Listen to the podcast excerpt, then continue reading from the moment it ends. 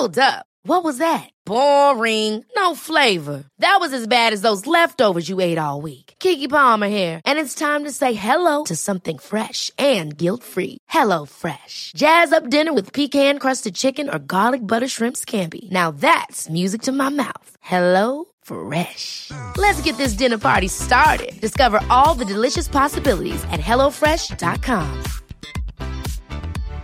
One size fits all seemed like a good idea for clothes Nice dress. Uh, it's a it's a t-shirt. until you tried it on. Same goes for your healthcare. That's why United Healthcare offers a variety of flexible, budget friendly coverage for medical, vision, dental, and more. So, whether you're between jobs, coming off a parent's plan, or even missed open enrollment, you can find the plan that fits you best. Find out more about United Healthcare coverage at uh1.com. That's uh1.com. Hallå! Simon Gärdenfors heter jag och snart börjar min podcast Arkivsamtal. Podden ges ut i samarbete med Acast och med Mafia Comedy Club. Som ger er stand-up fem dagar i veckan i Stockholm. Mer info om det här hittar ni på maffiacomedy.se och på Ticknet. Den 17 och 18 april så headlinar jag Mafia Super Weekend i Stockholm. Jag kommer köra en lång stand-up show och dessutom handplocka några av mina favoritkomiker som också kommer uppträda de två kvällarna. Det är alltså två kvällar i rad. Fredag och lördag. Så se till att komma och kolla någon av de kvällarna. Förra gången jag körde så var det helt proppfullt. Så om du vill se så var ute i god tid. Det går redan att köpa biljetter på ticknet.se. Så gå in där och sök på Simon Gärdenfors så hittar ni de biljetterna där. Annars så har jag fler gig i Stockholm, Sunne, Gävle, Lund, Malmö och Norrköping. Gå in på gardenfors.blogspot.com. Där hittar du datum och länkar längst upp på sidan under bilden.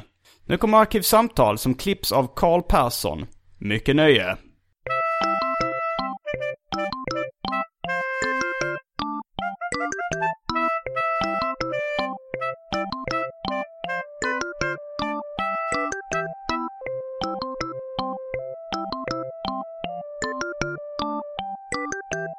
Hej och välkomna till Arkivsamtal. Jag heter Simon Gärdenfors och mitt emot mig sitter komikern och rasisten Albin Olsson. Välkommen Hej, hej, tack, tack. Det var, var, det, var det förra avsnittet du kom ut som rasist eller har du varit med här sedan dess? Nej, det måste väl varit förra, förra gången. Men jag är ju bara här för att späda på. Mm. Det känns som att jag har gått ner lite i, Du har gått ner i rasism. ja, folk, folk ser mig inte riktigt som rasism nu, som rasist. Varför ser inte folk... Du, förra avsnittet så... Om man lyssnar på hela avsnittet så, så är det ju inte så jätteprovocerande. Nej. När du väl förklarar på vilket sätt du är rasist. Nej. Det är väl ganska många som hävdar att alla är lite rasister på Ja. många sätt. Jag, bland annat jag. Men ehm, du berättade att uh, komikern och rasisten, frågetecken, Björn Gustafsson frågade dig uh, ifall ditt liv hade förändrats uh, sen du kom ut som rasist i en måttligt populär podcast. Vad var svaret? Nej, det har det ju inte alls. det, enda, det enda som jag, jag blir väldigt varm i hjärtat varje gång jag ser, jag ser mitt namn omnämnas som komiker och rasisten. Ja, det, det har ändå blivit rätt så... Det verkar ändå vara en, en grej som har satt sig i folks minne. Mm. Ja, det är, det är väldigt roligt. Och Att då- det krävdes så lite för att bli en av en folkkär svensk. Det enda som krävdes var att komma ut rasist. Jag undrar hur många av dem som, som tycker det är roligt som tycker det är så här äntligen någon som är rasist. Öppet rasist och komiker. Eh, kanske, men jag vet inte hur... Kanske eh, 13 procent. 13 ungefär, ja. 15 i senaste. Eh, alltså fan, folk är väl, eh, folk är väl värre än vad jag tänker alltid. Och det finns ju säkert rasister som lyssnar på din podd med. Det Jo, måste det nästan finnas. jag hade ju liksom, jag har väl runt 5000 Facebook-vänner. Ja, Och eh, så såg jag en sån här, eh, jag vet inte om det är ett skript eller någonting, men man kunde klicka på det och, och se vilka som hade gillat eh, Sverigedemokraterna. ah, Eh, och då var det 60 pers av dem som ändå hade öppet liksom visat sitt stöd. Och jag, jag, tog jag tog bort dem då. För att, eh, är ganska, ganska mycket för att jag vill ha plats till eh, riktiga vänner. Ja, just det. Men och vad blir det snabb eh, överslagsräkningen då? Det är ju inte i närheten av 13 procent. Nej, det är väl en procent. Det är det väl, av, av 5000 ungefär. Men sen så är det väl säkert rätt många som, in, som, som kanske röstar på Sverigedemokraterna men som inte gillar dem på Facebook. Ja, det, är ju, det. det är ju lättare att vara hemlig. Mm, ja, man är ganska öppen med det om man har privat Facebook-sida gillar. Det var en kille jag träffade på eh, när vi körde stand-up i Malmö på Blå båten med specialisterna. Som kom fra- fram och frågade eh, varför jag hade tagit bort honom från Facebook. och jag tar ju bort antingen folk som är störiga, för störiga liksom. Och så sa jag så ja jag vet inte. mm, Antingen är du störig eller så är du rasist. så sa han, för först så sa han, han hade inte gillat SD sa han. Men sen kom det fram att han hade så här, eh, alltså jag har ju klickat i det här, Sverigedemokrater i riksdagen, ja tack. Men det är en jävla skillnad. Men det var, det var, jag tror det är det som är SDs stora liksom stöd på Facebook. Är det Sverigedemokrater i riksdagen, ja, ja tack. Det var något svar på Sverigedemokrater i riksdagen, nej tack. Aha. Och sen så fick det väldigt mycket, och det var nog de, det var inte att man gillade Sverigedemokraterna som parti utan Man var för demokrati bara, att de, att de har fått röster så ska de få sitta i riksdagen eller? Nej, det är ju något skitkorkat. Sverigedemokrater i riksdagen, ja tack. Det var... Men nu har du, innan så var du, innan så hävdade jag på något sätt att du var antingen snickaren och komikern Albin Olsson eller vaktmästaren och komikern Albin Olsson. Precis. Nu på torsdag, eller från, jag vet inte när det här kommer ut. Men, eh, Det kommer nog ut efter uh, torsdag. ja. Så Men, vi kan, eh, du kan låtsas att det är två veckor nu. okej, för en och en halv vecka sedan så blev jag, Ja, det är bara förvirrande, säg att. okej, nu på torsdag då alltså. Eh, så blir jag det arbetslösa drägget och rasisten Albin Olsson. jag har sagt upp mig. Eh, och eh, berätta om, eh, berätta om dina planer. Eller varför du sa upp det och så. Uh, alltså först och främst så sa jag upp mig för att jag tycker att jag, eh, det är bättre att jag lever ett fattigt liv än att jag slänger mig framför ett tåg. Som jag, nej men jag, jag bara hatar det, det är så himla mycket att vara på jobbet. Så då tänkte jag att då är jag hellre arbetslös. Det, det är bra. Ja, och jag har gjort samma, samma val en gång i tiden. Mm. Jag vet inte om det var när jag var i din ålder eller om det var nog ännu tidigare. Jag också upp mig från jobbet fast då var jag nog bara 23 eller någonting kanske. Oh, jävlar. Så det var rätt tidigt. Men, eh, och då, men då gick jag på olika bidrag och grejer. Jag hade ju jobbat i bara kanske två och ett halvt år sammanlagt.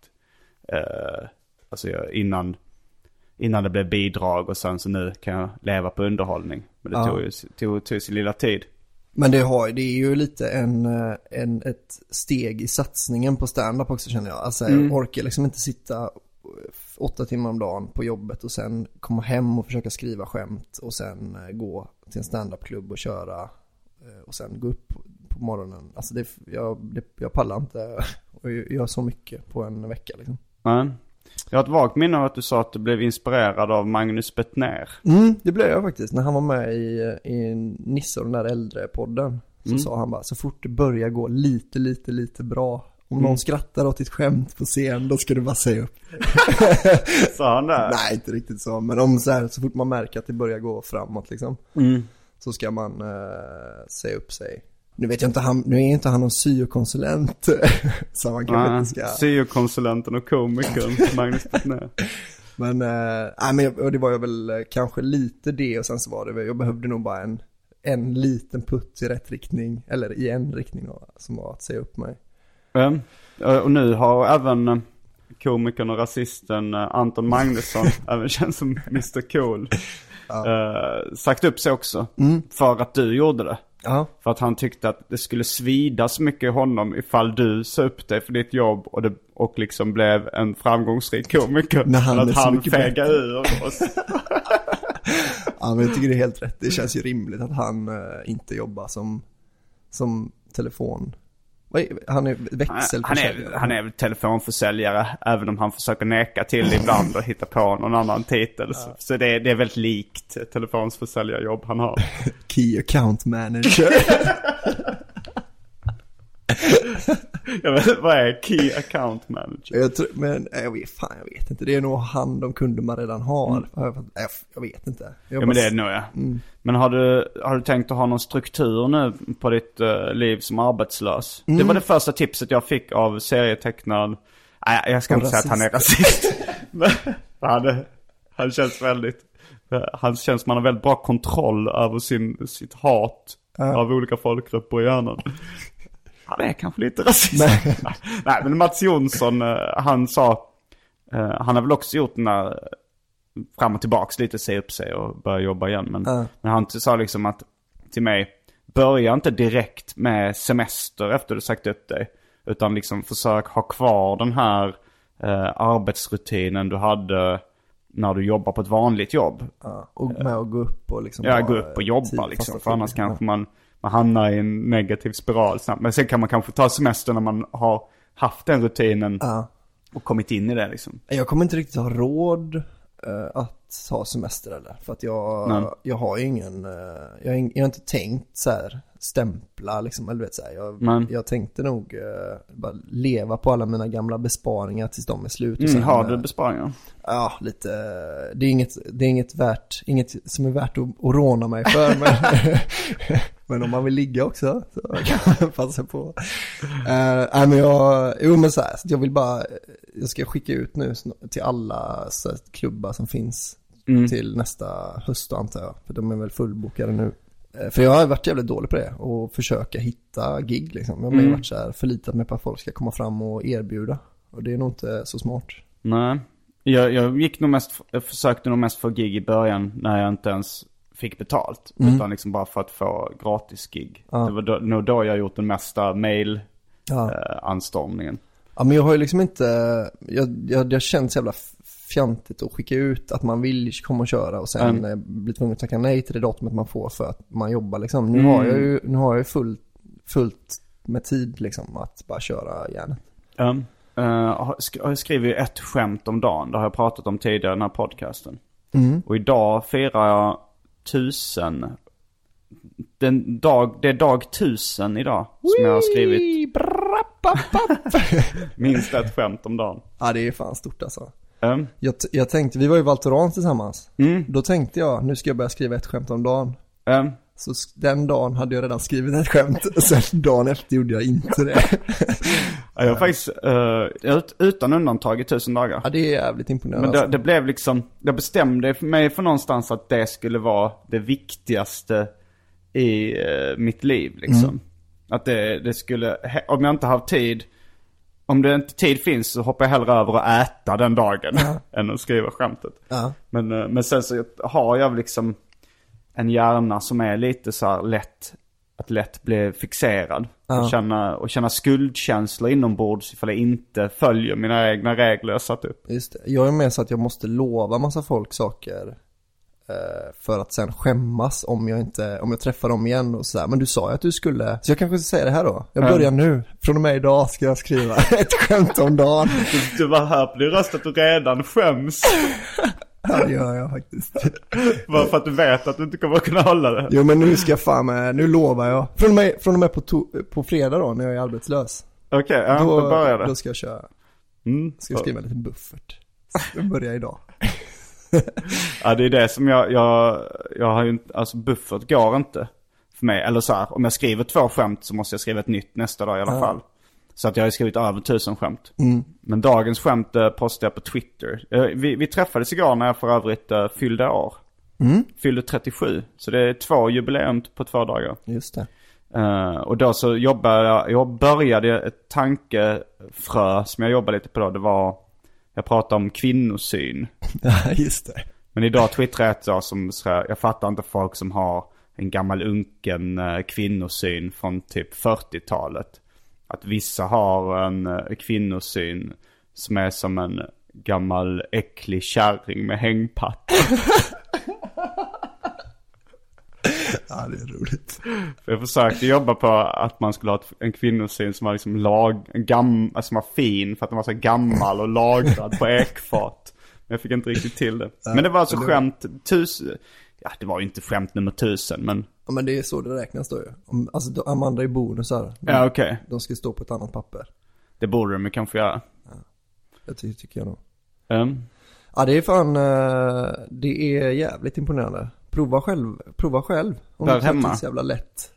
ja, nej det är ju inte alla skämt som har varit bra heller. Det Nej, långt ifrån egentligen. Eh, Men det är väldigt ofta tycker jag vi träffas och säger, så berättar du, då börjar du samtalet med att berätta dagens skämt. Och då är det ju jävligt ofta eh, att jag skrattar rakt ut åt skämtet. Eh, Så Ja. det är ju jävligt mycket bra skämt alltså. Jo det är det ju. Men sen är frågan vad som räknas som bra. Är det, för att det är ofta du och Anton som skrattar högt åt de skämten jag själv tycker är roliga också. Men, men det är ofta de skämten som är lite provocerande på något sätt. Ja. Och när man går till en vanlig standupklubb, då är det ganska vanligt att provocerande skämt får eh, lägre respons än någonting som är både roligt och icke-provocerande. Ja. Men apropå eh, att säga provocerande skämt så eh, för, för ett tag sedan så fick du en person att lämna lokalen på Mafia Comedy. Ja. Efter att ha dragit din uh, fuck cancer-rutin. Ja, det är, det är ju den näst bästa reaktionen jag har fått av någon på en, att ni har stått på en scen någon gång. Vilken är den bästa reaktionen? Det är nog skratten då. Den, den rankar jag ganska högt. Jag trodde du skulle säga när du fick ett hatbrev från en Aha. kille i Åkersberga. Ja, det också det, var, det var också med. Jag tror det var samma kille. Vi körde på ett, eh, en klubb som heter Fucked Up Comedy i Åkersberga. Och det var, eh, jag kan säga att klubben gjorde skäl för namnet. det var verkligen Fucked Up Comedy. Eh, det var liksom väldigt mycket alkisar i publiken. De, hade, de, hade, de tog 20 spänn men det hindrade inte alkisarna från att komma in och bara skita i standupen och, och supa. Nej, det var, det var inget jättebra gig Nej, för mig. det var ett av de få giggen där jag har avslutat i förtid. Du, jag tror det var samma kille som gav dig ett hatbrev där han verkligen skrev att han, han vad, vad, vad stod det i hatbrevet? Det stod, eh, det jag kommer ihåg ordagrant, det var Mm. keff. Första gången jag blev kallad keff.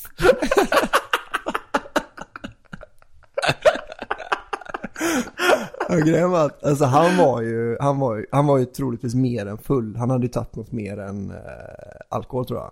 Han, för han kändes ju helt borta liksom. Eh, det kan vara ett bara gräs och alkohol eller hasch och alkohol. Eller, Ja, jag- eller kanske, eller i och för sig en flödderkille, så dåliga piller. Ja, Benzo-snubbe kanske det Jag kan är ha väldigt varit. dålig på, men, men jag tycker, jag har aldrig sett någon som, jag har aldrig själv blivit så när jag har druckit bara. Att man bara sitter och är helt, eh, kallar folk keff. men, eh, Keff börjar ju dessutom som ett slangord för dåligt hasch har jag hört. Jaha. Men, men sen så fick ju du en fuck you bara under hela ditt... Var det, var, var det samma kille? Ja, För, jo, jag fick en slapp fuck you från baren. Alltså han satt med halvöppna ögon i baren och höll upp eh, ett så här riktigt slappt mittenfinger mot mig under hela mitt gig. Och titta, det var han, på, på ett sätt så orkar han ju inte ens skriva konstruktiv kritik till mig i ett brev. Jag vet inte om, om det var så konstruktiv kritik jag fick. Jag, jag, läste du upp brevet på scenen? Nej, men nej, Konfan vänta. gjorde det. Ja, Konfan gjorde det. Och, men så, sen var det, det var ju inte det att han hatade alla heller. Nej. Det var en kille, Jimmy Södermark, Ja. som fick ett, eh, ett hyllningsbrev. Ja. Han la ut sitt på Facebook, jag la aldrig ut mitt på Facebook. det borde du kanske, jag vet inte. Jo, jag hade kunnat göra, nu har jag tappat bort det. Så jag, jag tog ändå med det hem. Men uh, Fuck Cancer, det, jag, jag, du drog ju två väldigt provocerande skämt den kvällen på, det var dels eh, där du beskrev, eh, jag vet inte, nu kanske jag bränner dina skämt med. Kör bara. Jag kör dem. Jag, jag, jag, jag, som, som jag brukar när jag bränner andra komikers skämt så säger jag de levererar dem mycket bättre. Nu förklarar jag bara vad som kan uppfattas som upprörande var de. Du berättade om eh, vad en kaffegök var för någonting. Ja. Och, eh, och då sa att man fyller på ett mynt. Eh, man lägger ett mynt i en kaffekopp och så fyller man på med whisky och sen kaffe. Eh, ja, myntet ska inte synas. Och sen, det kanske var det min pappa brukade göra. Han, han hällde upp kaffe och sen så drack han enorma mängder sprit.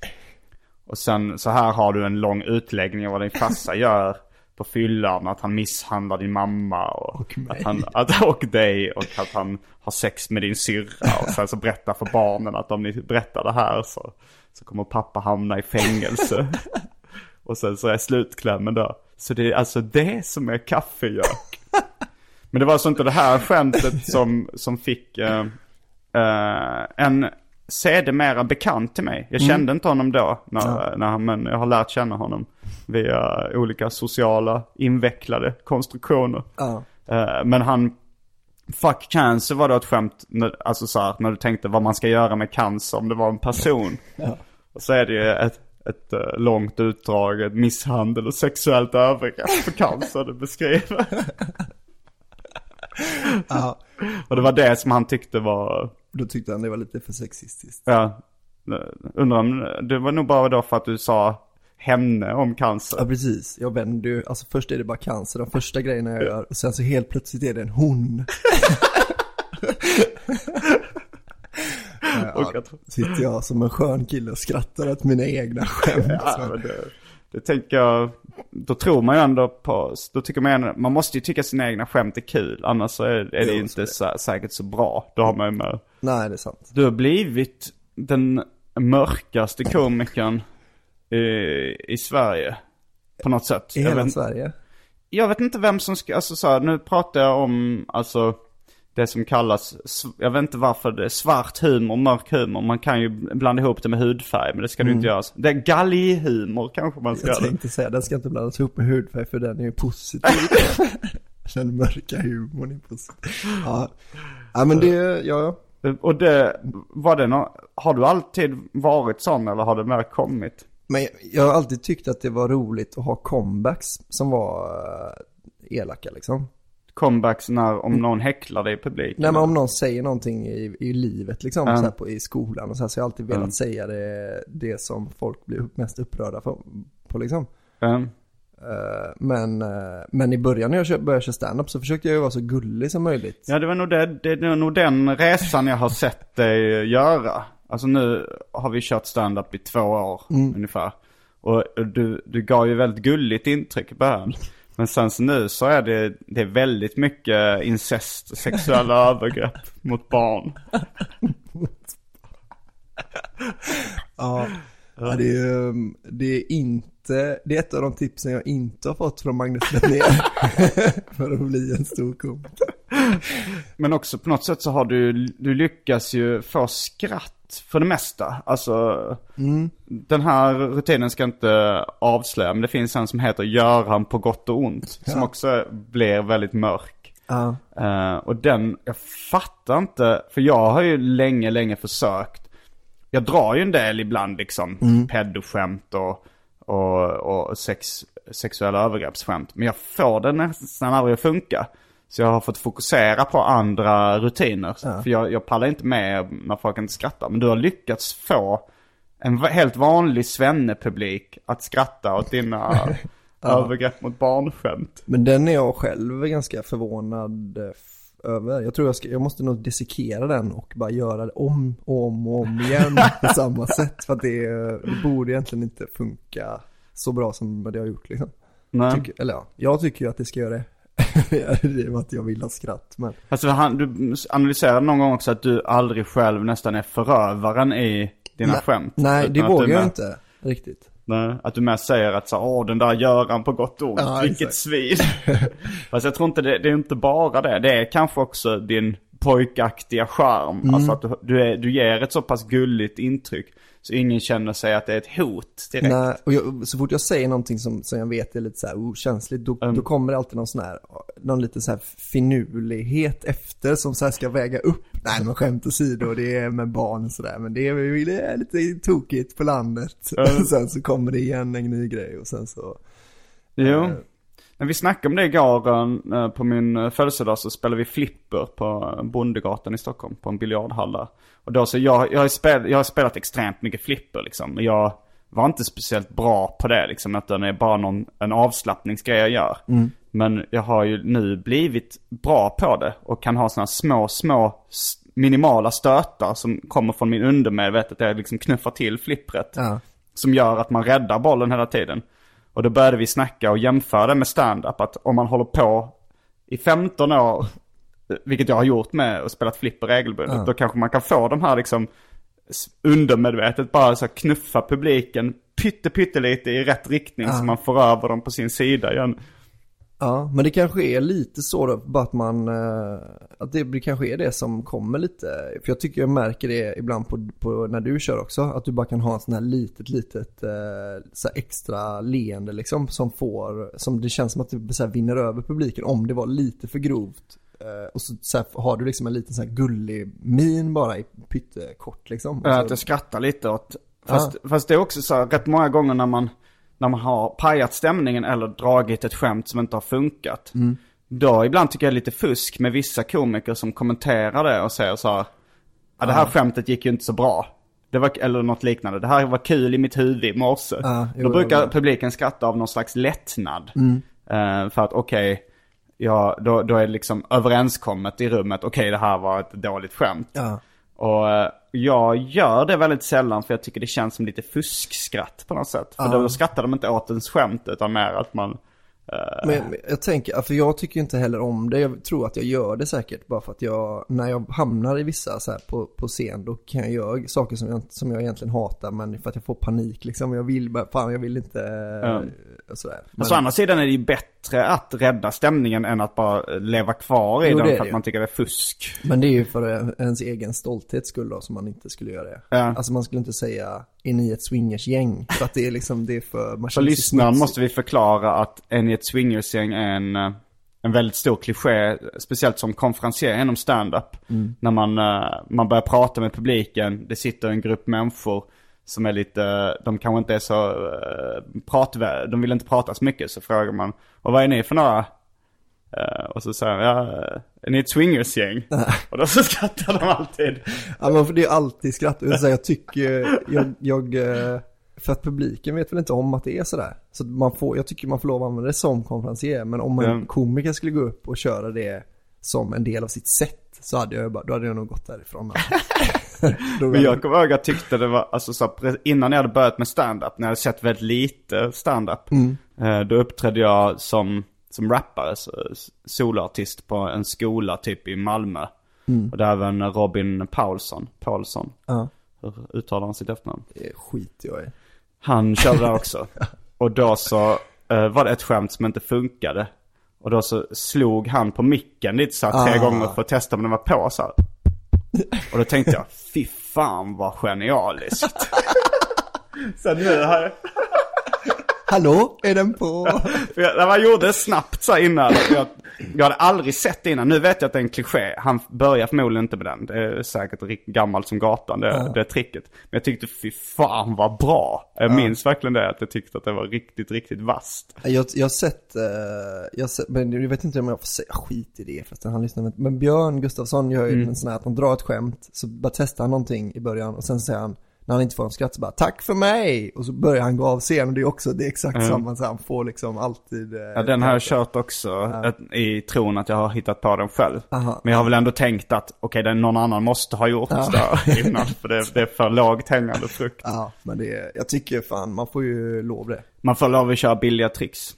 Ja, det tycker jag också. Men, men man blir ju, man förlorar ju respekten för folk som kör för mycket billiga tricks och för ofta. Ja. Men det är kanske mer en kollegial respekt som folk förlorar då än en, eh, en respekt för publiken. Ja, precis. Och ifall man blir tillräckligt känd på sina billiga tricks så kan man skita i sina kollegor som inte respekterar en. Utan bara åka runt och... Ja, och sitta och räkna sina pengar. Eh, jag undrar om det inte har blivit- börjat bli dags för det. Oj, oj, oj! Det hade jag helt glömt bort. Jag sitter och törstar ihjäl, här var ju synd att det var så det skulle sluta. Då säger jag att eh, det har blivit dags för det måttligt populära inslaget Välj drycken.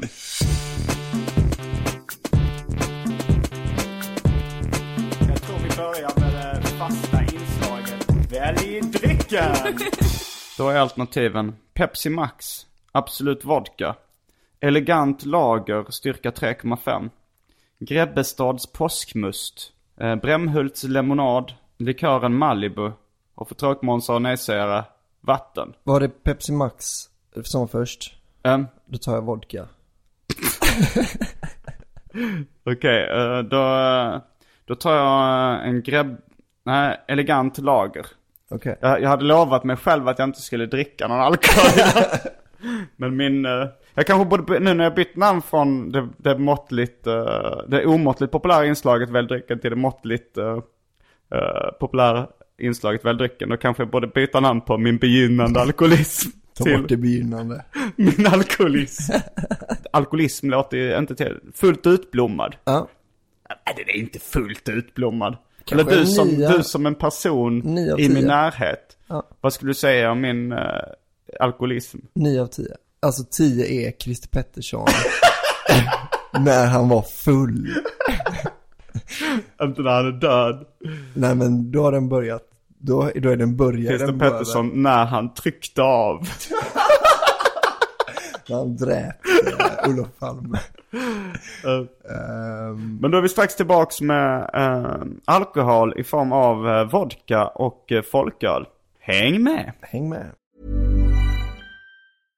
How would you like to look five years younger? In a clinical study, people that had volume added with Juvederm Voluma XC in the cheeks perceived themselves as looking five years younger at six months after treatment. Look younger, feel like you. Add volume for lift and contour in the cheeks with Juvederm Voluma XC. Reverse signs of aging by adding volume to smooth laugh lines with Juvederm Volure XC. For important safety information and to find a licensed specialist, visit juvederm.com. That's J U V E D E R M.com. Not for people with severe allergic reactions, allergies to lidocaine, or the proteins used in Juvederm. Common side effects include injection site redness, swelling, pain, tenderness, firmness, lumps, bumps, bruising, discoloration, or itching. There's a risk of unintentional injection into a blood vessel, which can cause vision abnormalities, blindness, stroke, temporary scabs, or scarring. Talk to a licensed specialist to find out if it's right for you.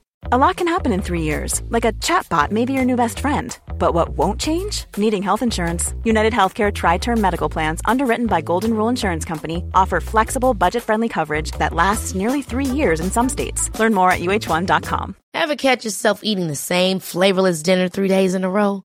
Dreaming of something better? Well, HelloFresh is your guilt-free dream come true, baby. It's me, Kiki Palmer. Let's wake up those taste buds with hot, juicy pecan-crusted chicken or garlic butter shrimp scampi. Mm. Hello Fresh. Stop dreaming of all the delicious possibilities and dig in at HelloFresh.com. Let's get this dinner party started.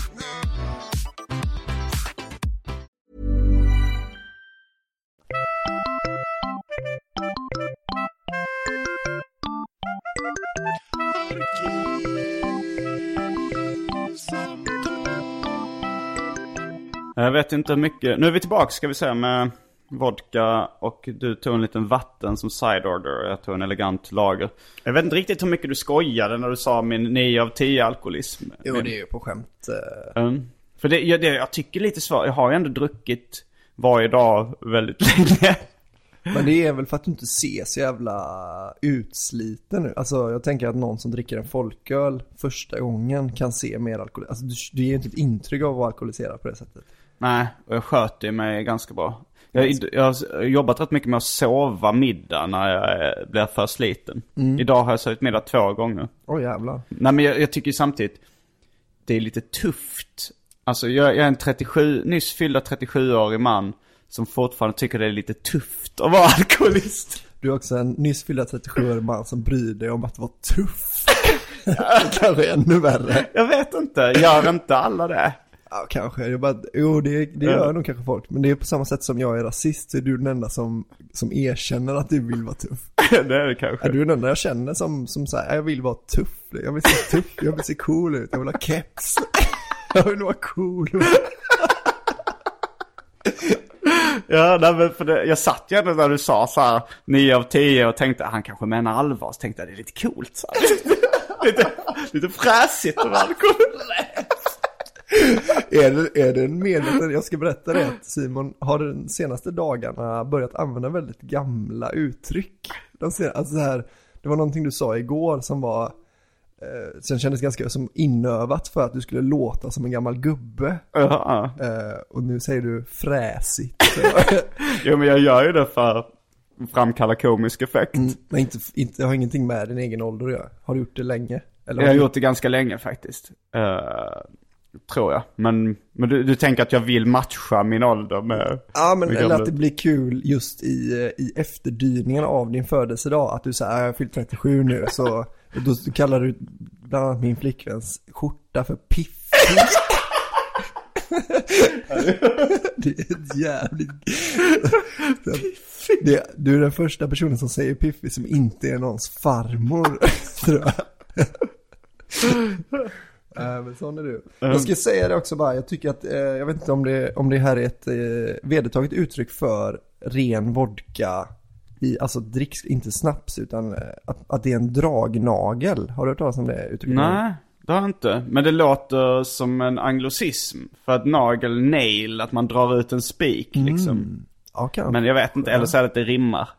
För det är min pappa som har lärt mig det. Mm. Jag adopterade det på en segeltur en gång. Då hade vi med oss en kvarting vodka. Så fick Mm. man, om man var duktig så fick man en dragnagel liksom. Fick man dricka lite vodka så här. Ja, du delar ut dragnaglar till de som du tyckte var duktiga på Ja, seglingen. eller så vi hade lite utmaningar, vi hittade ostron då, så visste man inte om man blev eh, matförgiftad av ostronen. Så, så, så här, om man, det är bara de som käkar ostron då som får en dragnagel, så man sen skulle eh, ha det som en belöning. Men, Men, jag, men hittar du på ordet dragnagel? Nej, min farsa Ja. berättade det. Men det låter vagt bekant tycker jag. Och det är ett vackert ord. Jag gillar sådana grejer som, alltså det, eh, som är, eh, jag vet inte om vi har tagit upp det innan, men att folk kan komma undan med argument bara för att det rimmar. Som det här eh, anti, folk som är homofober i USA som använder argumentet It's Adam and Eve, not Adam and Steve. Att det är liksom inget argument, det är bara ett rim. Fast det är ju ett argument. Ja, om man Alltså, är troende. Ja, men Så- det är de ju. Ja, det är de ju sig i USA.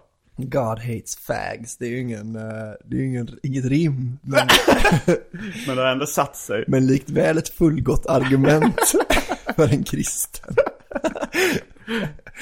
Eh, det är det som är så jävla gött med Gud, för man kan bara påstå, om man sätter sig i någon slags uh, vetande sits, så kan man bara påstå att Gud hatar någonting som man själv hatar. så blir det bara, Gud Ja, det hatar kan- bögar. Vad skulle du säga eh, att om, liksom, om du ska svara ärligt, om du nu har tendenser åt rasism, sexism och homofobi. Vilken tendens är starkast? Eh, alltså, jag, eh, om, så, min, i min ärliga personlighet så tror jag att folk på Twitter kommer tycka sexism. Eh, jag själv tycker nog homofobi, alltså, inte homo, alltså jag tycker inte illa om dem, men jag får ju sån bög eh, Tourettes mer än inte nästan. Ja, men alltså, det, är, är det, ja. ja, Men, men, jag, eh, men jag kan liksom inte, jag märkte nu efter, när vi pratade om det sist tror jag, eh, då, Bögtherese, att du, vi pratade sist eh, om att du, i, när eh, vår kompis, uh, komikern Pelle Helgesson som är bög, när vi var på fest med honom så drog Albin cirka, ja men i timmen kanske, nej men det måste vara typ på 10-11 det var bögskämt det. i timmen. ja. Och är det, även upprepande av gamla som jag redan Ja visst, och det, bara det här var ingen överdrift utan det var hela tiden. Nej, nej, nej, verkligen inte. Men, men jag har märkt nu för att jag umgicks med en polares kompis som också är bög då. Men då var att- båda bögar om du... Nej, Nej, alltså- skojar. eh, men, men då, eh, då märkte jag så att jag kunde, att jag kunde precis hålla mig från att så här slöra ut någonting homofobiskt. För jag känner honom inte så det hade liksom blivit skitpissig stämning om jag hade gjort det. Mm. Och det var samma när vi var på, på den här födelsedagsfesten hemma hos Nils Ek. Då eh, kom, visste vi att det skulle komma en bög. Så jag passade på att dra lite bögskämt innan han kom bara för att hinna med. För att så här, få det ur mig liksom. Så jag, Mm. det är något, eh, det är väldigt konstigt. Så jag antar att det är väl homofob då, men jag är, tycker inte illa om dem. Nej, du kan bara... Du kan inte bara sluta skämta om dem. Ja, exakt. Det var så det började i Tyskland på 30-talet. Ja. Eh, Men ehm, nu, eh, en grej som du har berättat att du planerar att börja med när du sagt upp det är att starta en ehm, egen podcast. Det har jag tänkt göra ganska länge fast jag har liksom inte kommit på något roligt sätt att göra det. Men har ni något koncept nu då ni ska följa? Alltså jag tror att vi ska, det är med Filip Andersson då. Som, vi har, Som också jag varit med i den här podden. Mm. Men det är lite, jag tänker att vi ska ha lite, lite sketchigt material. Alltså det kommer vara mest bara samtal. Mm. En gäst, vi två. Eh, och så, så här, ganska mycket fasta inslag för att vi, i och med att vi är två så kommer det bli lite svårt att få det att gå ihop. Så då, då är det bra om, jag tänker mig att fasta inslag är lite mer självskrivande liksom. Jaha, att du är orolig för att snacket ska dö ut. Ja, Om, I och med att vi är två, samma två varje vecka då liksom. Och vi umgås inte särskilt mycket privat heller. Men det kan ju vara en fördel att ni har saker att prata om då er- från ert privata liv. Ja, kanske. För att om man hela, det, det är svårt. Eh, Anton, Mr Cool och Arman och de har ju ett rapkollektiv som heter RIS. Um, rappar i samverkan och de, de hade en podcast. Jag vet inte om de, den, om de planerar att spela in fler avsnitt. Det var väldigt länge sedan det släpp, släpptes avsnitt.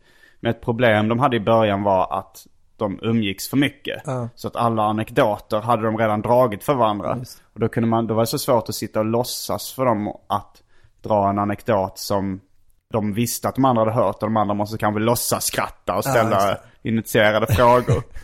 Men de löste det genom att ta in något av en outsider som de kallar för bög-Jimmy. Eh, han är homosexuell då och, eh, och något av en outsider. Ja. Men då, då lyfte podden lite när han kom in för, då, för han var ganska rolig. Ja, den är ju svinroliga de avsnitten som har gjorts.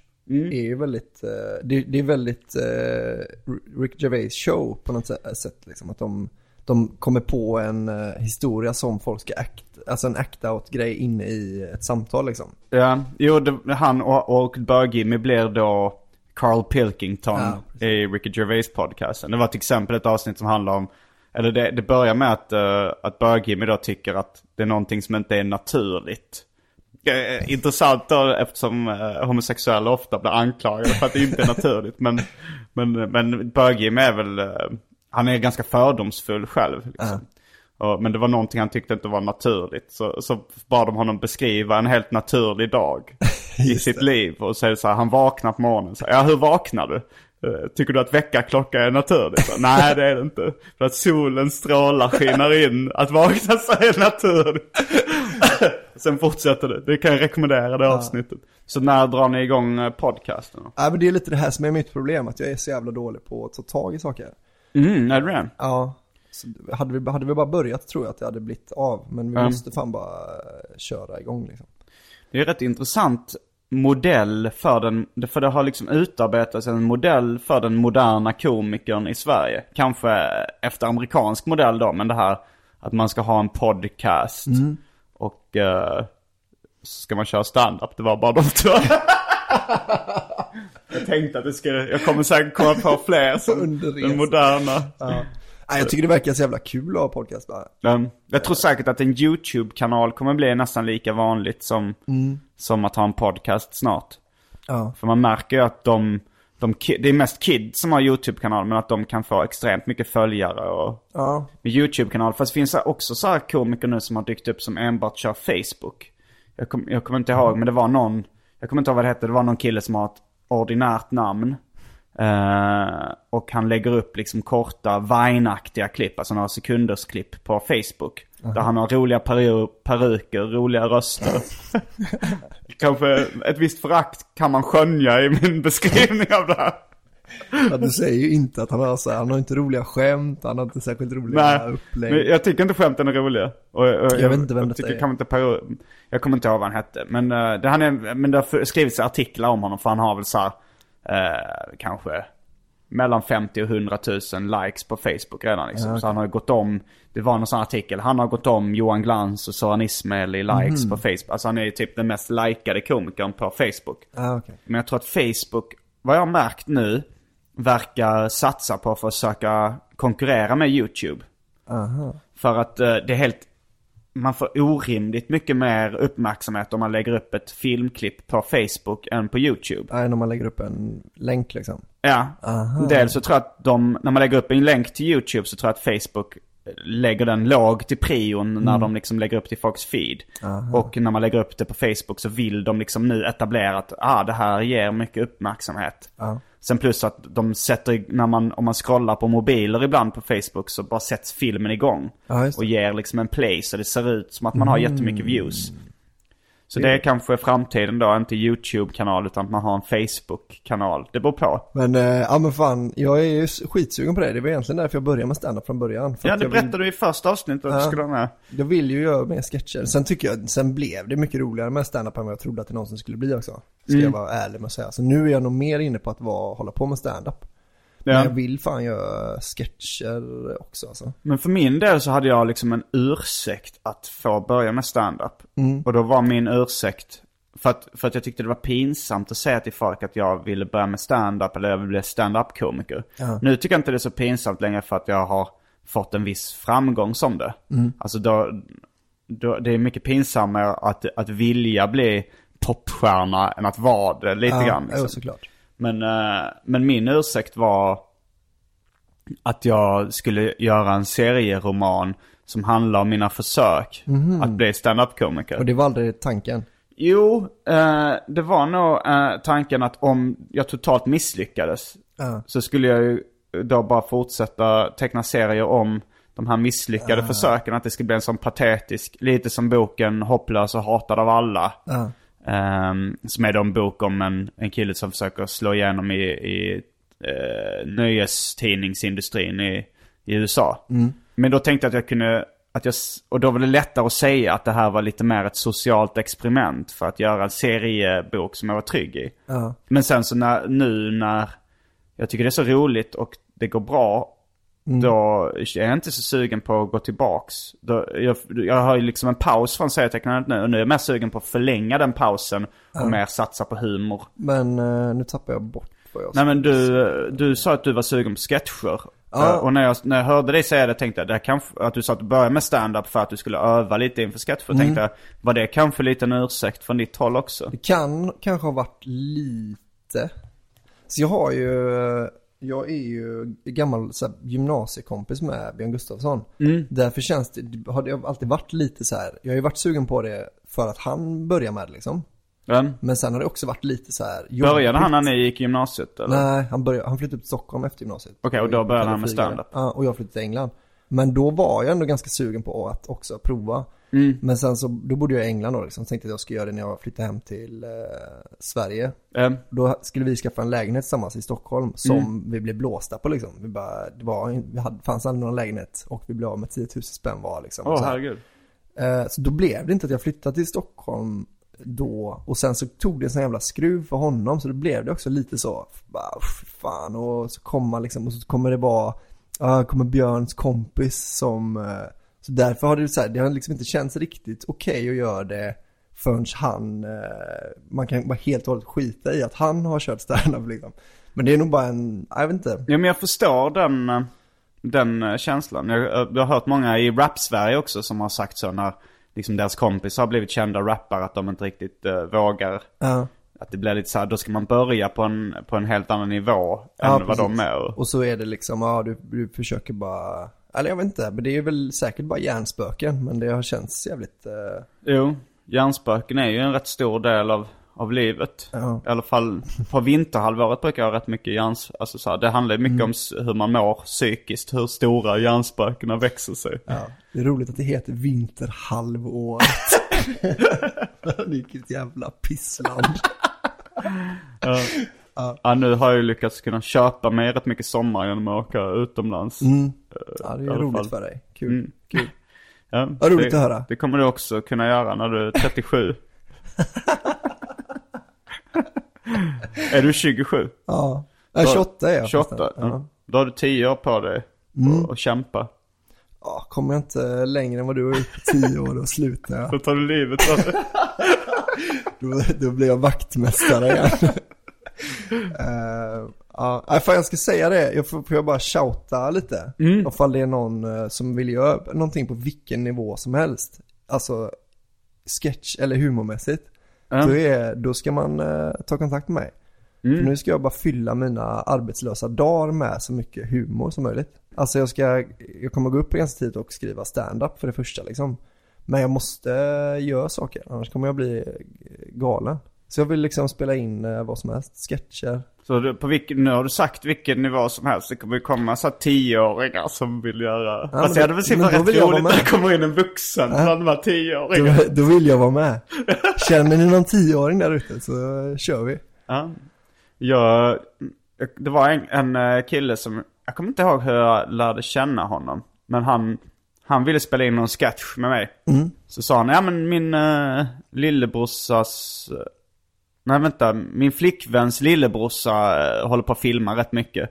Och så skickade han en länk till någonting de har filmat och jag kollade igenom det så jag tyckte det var så här, Ja det där var, jag vet inte, det var väl något, liksom, något som några barn hade filmat. Ja. Det såg ju rätt snyggt ut men jag orkade väl inte se klart klippet. Ja. Och sen kom jag dit och så hade de ganska så här bestämda åsikter. Jag skulle då spela mig själv som rappare. Eh, och, så ha, eh, och så hade de lite så här, de skulle säga, men nu ska du säga så här, vet ni inte vem jag är? Simon G! Eller något sånt där. Och jag sa, nej jag vill inte säga det. Jag skulle inte, om jag ska spela mig själv så måste jag liksom ändå få säga. Och så blev det så här, ja, det, jag vet inte hur kul det här klippet blev. De, de valde att inte släppa det. Aha. Och sen, men det visade sig att den här lillebrorsan och han, det var de här I just wanna be cool Är det sant? Fan vad grymt. Eh, för jag känner igen dem by name, inte... jag vet by har ansikte. gjort. Nej, jag vet inte vad de har gjort. eh, Nej, nej men de, är- de är ju större än eh, Jesus och, Ja. och Gud idag. Jag har förstått det, och men jag... SVT-program och miljontals views. Eh, men det Ja, var nog ja. hyfsat stora redan då, bara att jag inte hade fattat det. Ah. Eh, För de tänkte så, nu är vi så stora så nu kan vi få Simon G att göra vad vi vill. Men du sa, Simon G kopplar man bara inte så här lätt. Man kan inte kedja ner. det, var, ju- nej, det var nog till och med liksom uh, en i I just wanna be cools uh, syrras pojkvän som var han som filmade, som var lite äldre. Uh, vänt, nu kommer jag ihåg hur vi lärde känna honom. Det var jag och Agro när vi uh, åkte till San Diego och skulle gå på Comic Con. Så var det en kille som bodde i San Diego då som skrev på min blogg eh, i kommentarerna att så, ah, men eh, om ni vill ha någonstans att bo så, så har jag en studentkorridor. Aha. Så jag och Agro var där och festade på, det var skitkul, det var festa på en Ja, amerikansk studentkorridor och han var jättetrevlig och vi, vi slaggade där på en soffa liksom. Det kändes väldigt collegefilm. Ja. Sådana röda plastmuggar och Är det, eh, hade ni det? Ja, men eh, så det var han som var eh, den här, hans, jag vet inte om de fortfarande är ihop, men hans flickväns lillebrorsa var, sen var det nog kanske två av tre i I just wanna be cool-gänget, men jag Ja. snackade med dem då. Men om, jag, om, jag hade, om jag hade varit en total karriärist, Ja. då hade jag kunnat fjäska in mig där och Ja, varit den här äldre, lite äckliga mannen som hänger med, med barn. och får en, en blomstrande karriär på YouTube och SVT. Eh, Finns det någon motsvarighet som du kan komma på ett exempel på den äckliga äldre mannen som fjäskar in sig hos barn? Jag, jag lyssnar väldigt mycket på en, eh, en podcast. Är det eh, Kristoffer Ne- Linell? det är inte Nisse den här äldre. nej, nej, det var en podcast som uh, heter Vad blir det för rap?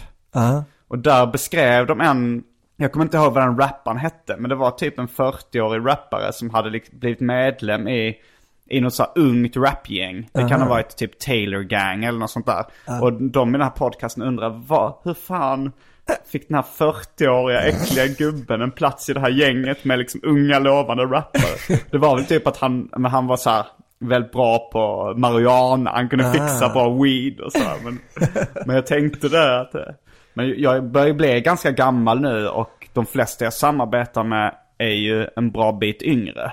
Ja. Så jag har nog en bra potential att i något sammanhang bli den här äckliga äldre mannen. Men är, är man, om man är, eh, om man redan är etablerad då, Um, då blir det inte riktigt samma sak. nej, det kanske det inte blir. Det är inte riktigt som att, det är inte som att folk säger så här, Dr. Dre är den äckliga gamla gubben som hjälper, eh, eller som så här, hänger med unga lovande rappare. Nej, det liksom. var nog att den här gamlingen inte var så etablerad som rappare. Utan Ja, han var bara det. etablerad gr- gräsdealare liksom. Ja men Som- det är det jag menar, det blir inte, jag menar det är ingen, ingen frownade ju när Michael Jackson började hänga med, Macaulay Culkin. alltså, en kompis till mig, eh, eh, jag vet inte, och jag har inte följde inte Michael Jackson-rättegången, och jag vet inte om det här är sant. Men att det var typ Michael Jacksons privata kock som vittnade då eh, i pedorättegången mot Michael. Eh, att Michael Jackson hade ringt honom mitt, mitt i natten och beställt pommes frites. och så... Och då, var det, då hade han kommit ner i, i Michael Jacksons sovrum. Och, eh, och då hade han inte fått något svar så, när han knackade. Då hade han öppnat dörren och då hade Michael Jackson suttit med handen nere i Macaulay Culkins kalsonger. Jag vet inte, för jag har bara hört det från min, min kompis. För vi har hört skämt om att det var någonting som hade ramlat ner i, alltså så här, men det kanske inte är hans, att det är, äh, skitsamma. Nej, jag, Jag försökte länge hitta på något raprim på Macaulay Culkin och Knulligumpen. Men det blev aldrig tillräckligt är det vass. inte det, har, du har ju rimmet där, du har redan dratt det. Kullikull. Det är så här, ingen skam hur mycket man förvränger originalordet. Knulligumpen som Macaulay Culkin. Och det blev en, hur mycket man än förvrängade så blev det ganska, det är svagt ändå.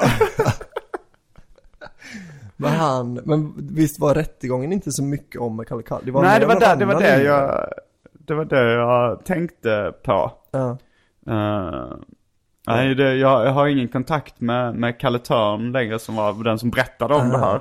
Så jag kan inte ringa upp och fråga riktigt. eh. Nej, men det, och det är också, du vet ju det själv som musiker att det blir en hel del ligga. Det var säkert, han har ju säkert legat med fler än Macaulay Culkin och den här andra som var i rättegången. Alltså, Eh, jag, jag vet inte riktigt. jag tror nog, kanske, jag, jag, jag har inte hängt med tillräckligt mycket. För, men det, jo, det gjorde han säkert. Jag vill ju, av någon anledning vill jag tro att han knullar väldigt mycket barn. ja, är inte det lite, eh, är det det som är rock'n'roll? Att knulla barn. Nej, det kanske det inte är. Nej, kvävas sin egen spyor var det. Det kan väl gå att kombinera. ja, det gör det. Men sen var det väl också, eh, förr i tiden så gjorde, gjorde folk inte så stor skillnad på eh, bögar och pedofiler. Nej, det är sant. Alltså man var ju typ, så det känns som att en sodomist, Eh, Att det var bara att man gick över gränsen sexuellt. Sen, Ja. sen eh, så tyckte folk, ja det spelar väl inte roll om det är barn, män eller djur. nej precis. Det, För det kommer jag ihåg, jag har fått på en TP-fråga en gång, vad, Mm. vad det kallades, eh, när man låg med djur så var det också sodomist liksom. ja, och det är väl också vissa analsex Alltså- kallas sodomi. Ja, precis. Men det måste ju, det är ju från Sodom och Gomorra då liksom. Att man, eh, i Sodom där höll de på så in i helvete vet du, och knulla varandra på olika sätt. Så det är väl därifrån, antar jag. Och så var det även med uttrycket bögar. Som jag har gått igenom i Joakim Pirrinen avsnitt av Arkivsamtal. Men jag kan ta en kort version av det. Gärna. Det var den katolska kyrkan gillade inte att eh, eh, det i Bulgarien startades en alternativ katolsk kyrka. Den bul- bulgarisk-katolska kyrkan. Så började de sprida ut rykten om att de i den bulgarisk-katolska kyrkan knullade djur med mera. Män, barn, alltså allt. De, so- de höll på med sodomi. Och då började det eh, bli ett skällsord i Frankrike då, eh, bulgar. Bougre. Ja. Och sen eh, vår uh, kända författare August Strindberg tillbringade en tid i Frankrike på den tiden. Och tog med sig ordet uh, bougre som han försvenskade och började säga bograr i Sverige. Aha. Vilket sen blev bögar. Och han var ju alkemist. Så han, han kan ju inte ha haft fel. Jävla Strindberg du. Vilken nolla. Men det får man väl inte säga. I det här landet. I det här landet. Som din podcast kanske ska heta. Ja, det här jävla landet kommer det nog heta. Mm. Så sök på den och se om den har dykt upp när det här avsnittet Om släpps. jag, om jag har tagit, jag har tagit för mig att, att äntligen göra någonting av mitt liv. Mm. Eh, jag, eh, jag ska också berätta det att jag samlar ju på omnämnande i den här podden. Mm. Visste du om det? Ja, du har nämnt det. Jag visste inte hur seriös du var med, med samlandet. Jag har inte skrivit upp hur många Du har gånger. inte det? Jag tänkte fråga en siffran hur många om Men jag- du har fått. Men jag lyssnar ju på alla avsnitt. Jag Mm. lyssnar på varje avsnitt. Och jag gör en sån här yes! Mm. Med knuten näve i nedåt eh, riktning varje gång eh, jag blir omnämnd. Ja. Så tänk på det i framtiden Simon. Fortsätt med Ja, men det. jag tänker på det för jag har ju nämnt det lite då och då. Du tänker väldigt mycket på mig. Mm. Det är väl det. Så nu ska vi ehm, snart båda två till Mafia Comedy och Mm. eh, Komfa. Inte båda. Nej, nej, det, nej, båda ska köra stand-up men du ska vara konferencier. Yes. Är du det frivilligt eller är det press från Eh. eh, klubbägaren? Jag har aldrig bett om att få vara det. Men jag, har blivit, jag är, har inte så mycket emot det. Nu ska jag ju konfa på Norra Brunn. Så nu behöver jag liksom träna på det lite. Så nu är jag ännu mer tacksam att få, få chansen äntligen på underbara Mafia Comedy Club. Du vet att han också lyssnar, Laszlo Gölles lyssnar också, Klubbägaren. Jag gillar la- äh, Maffia. Och Maffia ta- tackar för mycket. Och nu har du börjat, eh, har du, har du varit konferenser på, på Norra Brunnen nu? Nej, men i april, början på april är första gången. Kommer du då eh, tona ner dina mörka skämt? Ja, det kommer jag. För att jag har insett att eh, på Norra Brunn, där kan man om man gör bra ifrån sig tjäna pengar. Och Det kan man inte om man på Norra Brunn kör mina fuck cancer. Alltså, man, jag måste också tjäna pengar. Eh, Eh, så om, om man vill se mig som allra roligast, då ska man gå till Norra Brunn och se fantastisk standup-klubb. om man gillar, eh, om man gillar SJ-skämt. du har inga SJ-skämt. Det, är också, det kanske också måste förklara för lyssnaren att SJ-skämt är den största klichén inom svensk standup. Um, på samma sätt som flygplansmaten är en kliché inom amerikansk standup. För där åker väl komiker så mycket flygplan över hela landet för att köra standup. Men i Sverige åker komiker Tåg. eh, tåg. Ofta. Och kör standup dagen efter, för tågen är alltid försenade. Där har du ditt första. Jag, hörde, jag ska inte lägga någon värdering i det här skämtet. Men jag hörde på Svenska standup-galan. Så var Anna-Lena Brundin, som numera heter Anna-Lena Bergelin tror jag. Hon öppnade hela sitt sätt med Jag åkte SJ-tåg hit. Och jag vet vad SJ står för nu. Sena jämt. Men jag fattar inte hur, ja, jag ska inte snacka skit om folk i samma bransch som jag, men hur kan, Men! Man, hur kan man börja ett gig för kollegor med ett skämt som helt uppenbart är, alltså, äh, Det kanske var dubbelironi. ja det, det skulle vara det då. Antihumor. I så fall det- slog hon mig på fingrarna, för jag fatt, uppfattar ingen ironi. Nej, men ifall det var antihumor, då har, har hon min fulla respekt. Absolut. Eh, Så där ger vi henne en liten öppning att komma undan med skämtet. Och Hon är säkert en underbar person. Jag ska alltid göra, jag ska alltid hålla på och sabba för mig själv. Eh, jag vet inte riktigt. Jag, jag är ganska kluven till med det här att snacka skit i allmänhet. Mm. För jag har ju en tendens att göra det. Ja, minst av alla jag känner tror jag. Tror du det? I jag är, det är ingen som snackar så lite skit som du tror jag. Är det sant? Ja. För, för då, då slinker det ändå rätt mycket skit. Det kommer en del. det kommer ju en del. Men det, det är ju, men det är ju det är så kul. Och, och, och snacka skit också. Jag, jag hade nog inte klarat av att lägga ner det helt. Nej men och dessutom den skiten du snackar, nu känns det som att jag bara väldigt nära att jag bara suger av det här. Men det känns som att den, de, den skiten du snackar, det är ändå grejer som du skulle kunna säga till folk väldigt ofta. Om För det hade har- varit en roast.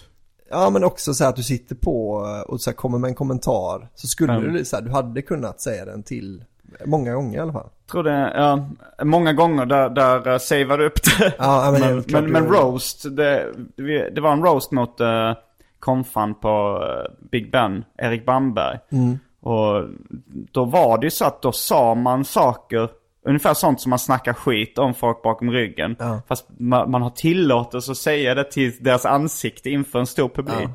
Det är ändå ganska konstigt regelsystem. Det verkar så himla roligt. Mm. Att, eh, det var ju väl jävligt kul kväll, Ja. men det verkar så himla roligt att säga det. Ja men det kommer nog komma fler roaster på Big Ben. Så Ja. jag kan tänka mig att du är ett av namnen som står på väntelistan. Ja, jag har ju skrivit, alla mina roast nu kommer handla om Erik Bamberg för att jag inte fick vara med på första, så jag kommer ju bara snacka skit om honom. Även om han inte är med på... Ja, ja, det spelar ingen roll. Det ska vara någon roast av Emma Knyckare också i Malmö på Under jord. Det kan ni googla på och kolla om det finns biljetter kvar. Det Ska du vara med sving- Nej. Eh, det kommer jag inte. Men eh, jag tror, jag ska köra på Gasta i Gävle samma datum. Så jag kommer inte kunna se den ens. Men Ja. eh, det är en sån grej som jag tänkte, fan ja, det hade jag velat se. Så därför, kära lyssnare, ger jag er chansen. Att bli den bandystjärnan som pappa själv aldrig blev. Bandy också.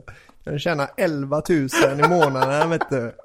Jag vet inte, jag har hört uttrycket bandyfarsa i olika sammanhang och tycker det, man får upp en så rolig bild av en bandyfarsa. Men jag vet inte riktigt vad det det är är. så här, det är mellansonen. Den äldsta sonen blir hockeyfarsa så hans barn tjänar miljoner. Det är en äldsta bandyfarsa. Det är bara, han får bara slipa skridskor och kämpa på.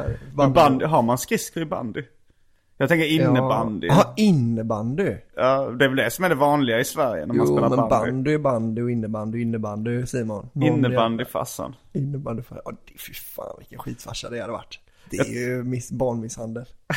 Vad är innebandy? Tvinga sina barn att spela innebandy.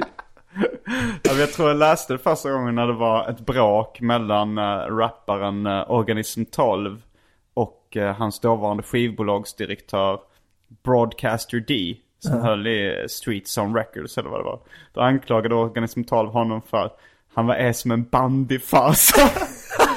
Och det var, jag vet inte riktigt om det var någon förklaring till på vilket sätt. Men man får upp en tydlig bild av en bandyfarsa. Ja, absolut. Har du spelat bandy? Nej, ingen av dem. Inte varken inne eller ute. Nej. Bandy.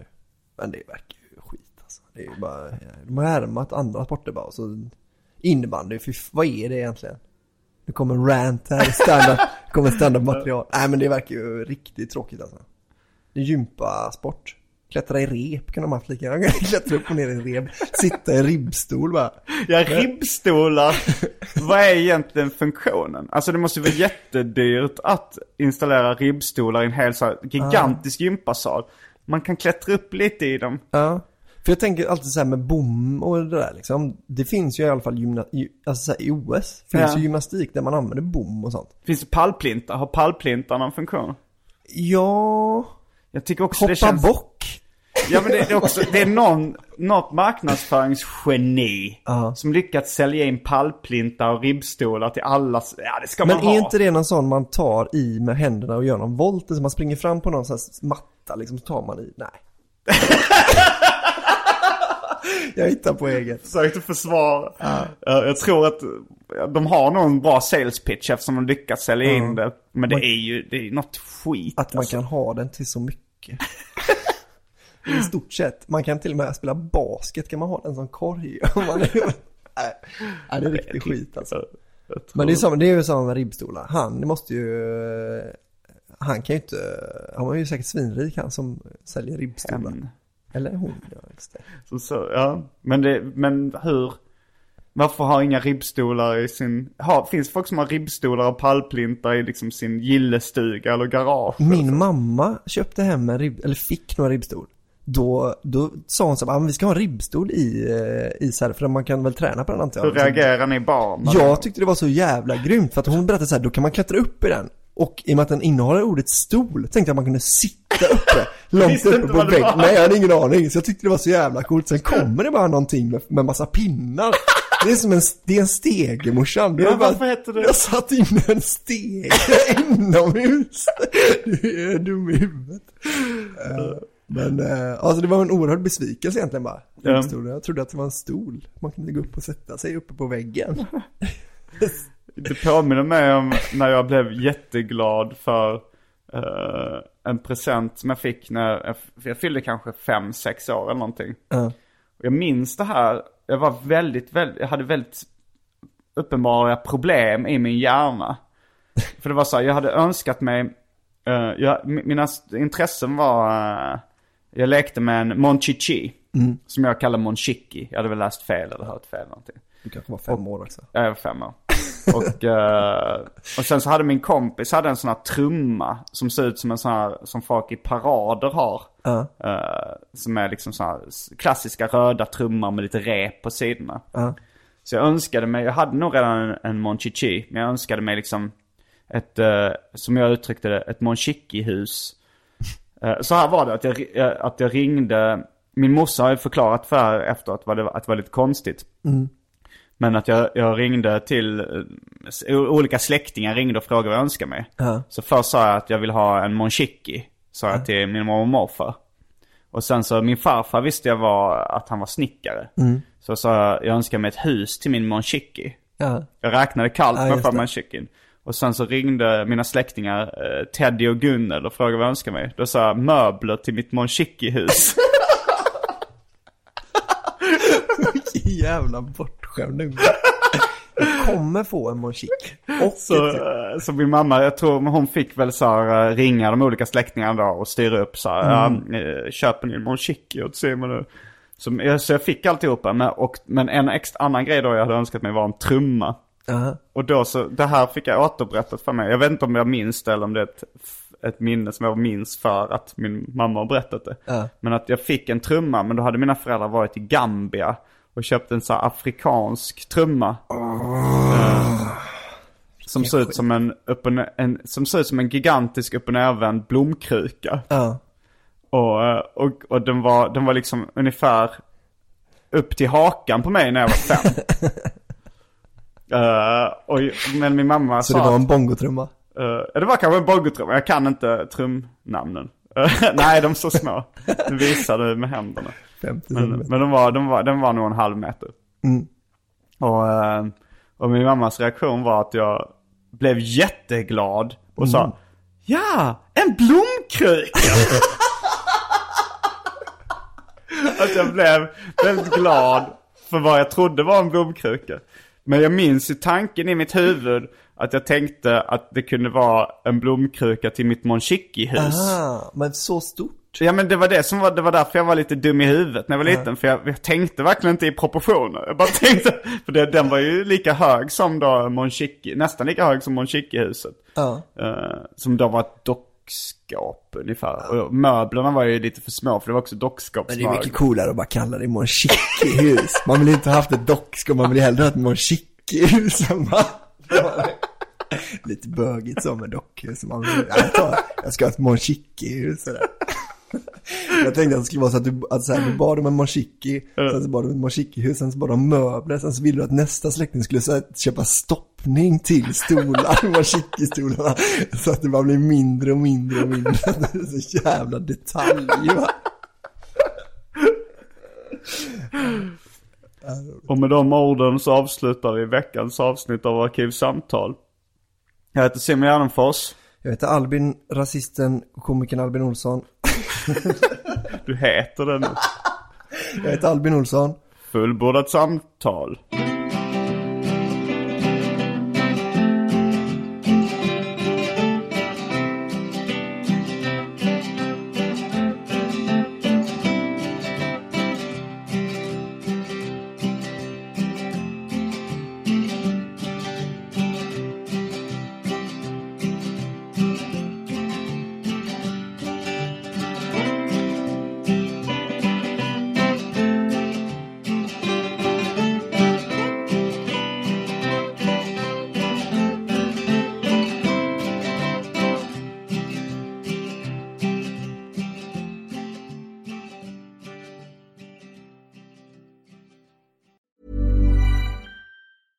Planning for your next trip?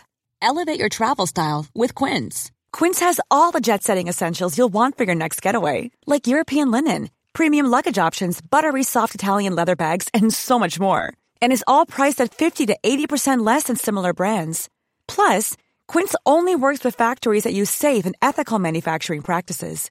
Pack your bags with high-quality essentials you'll be wearing for vacations to come with Quince. Go to quince.com slash pack for free shipping and 365-day returns. Ever catch yourself eating the same flavorless dinner three days in a row?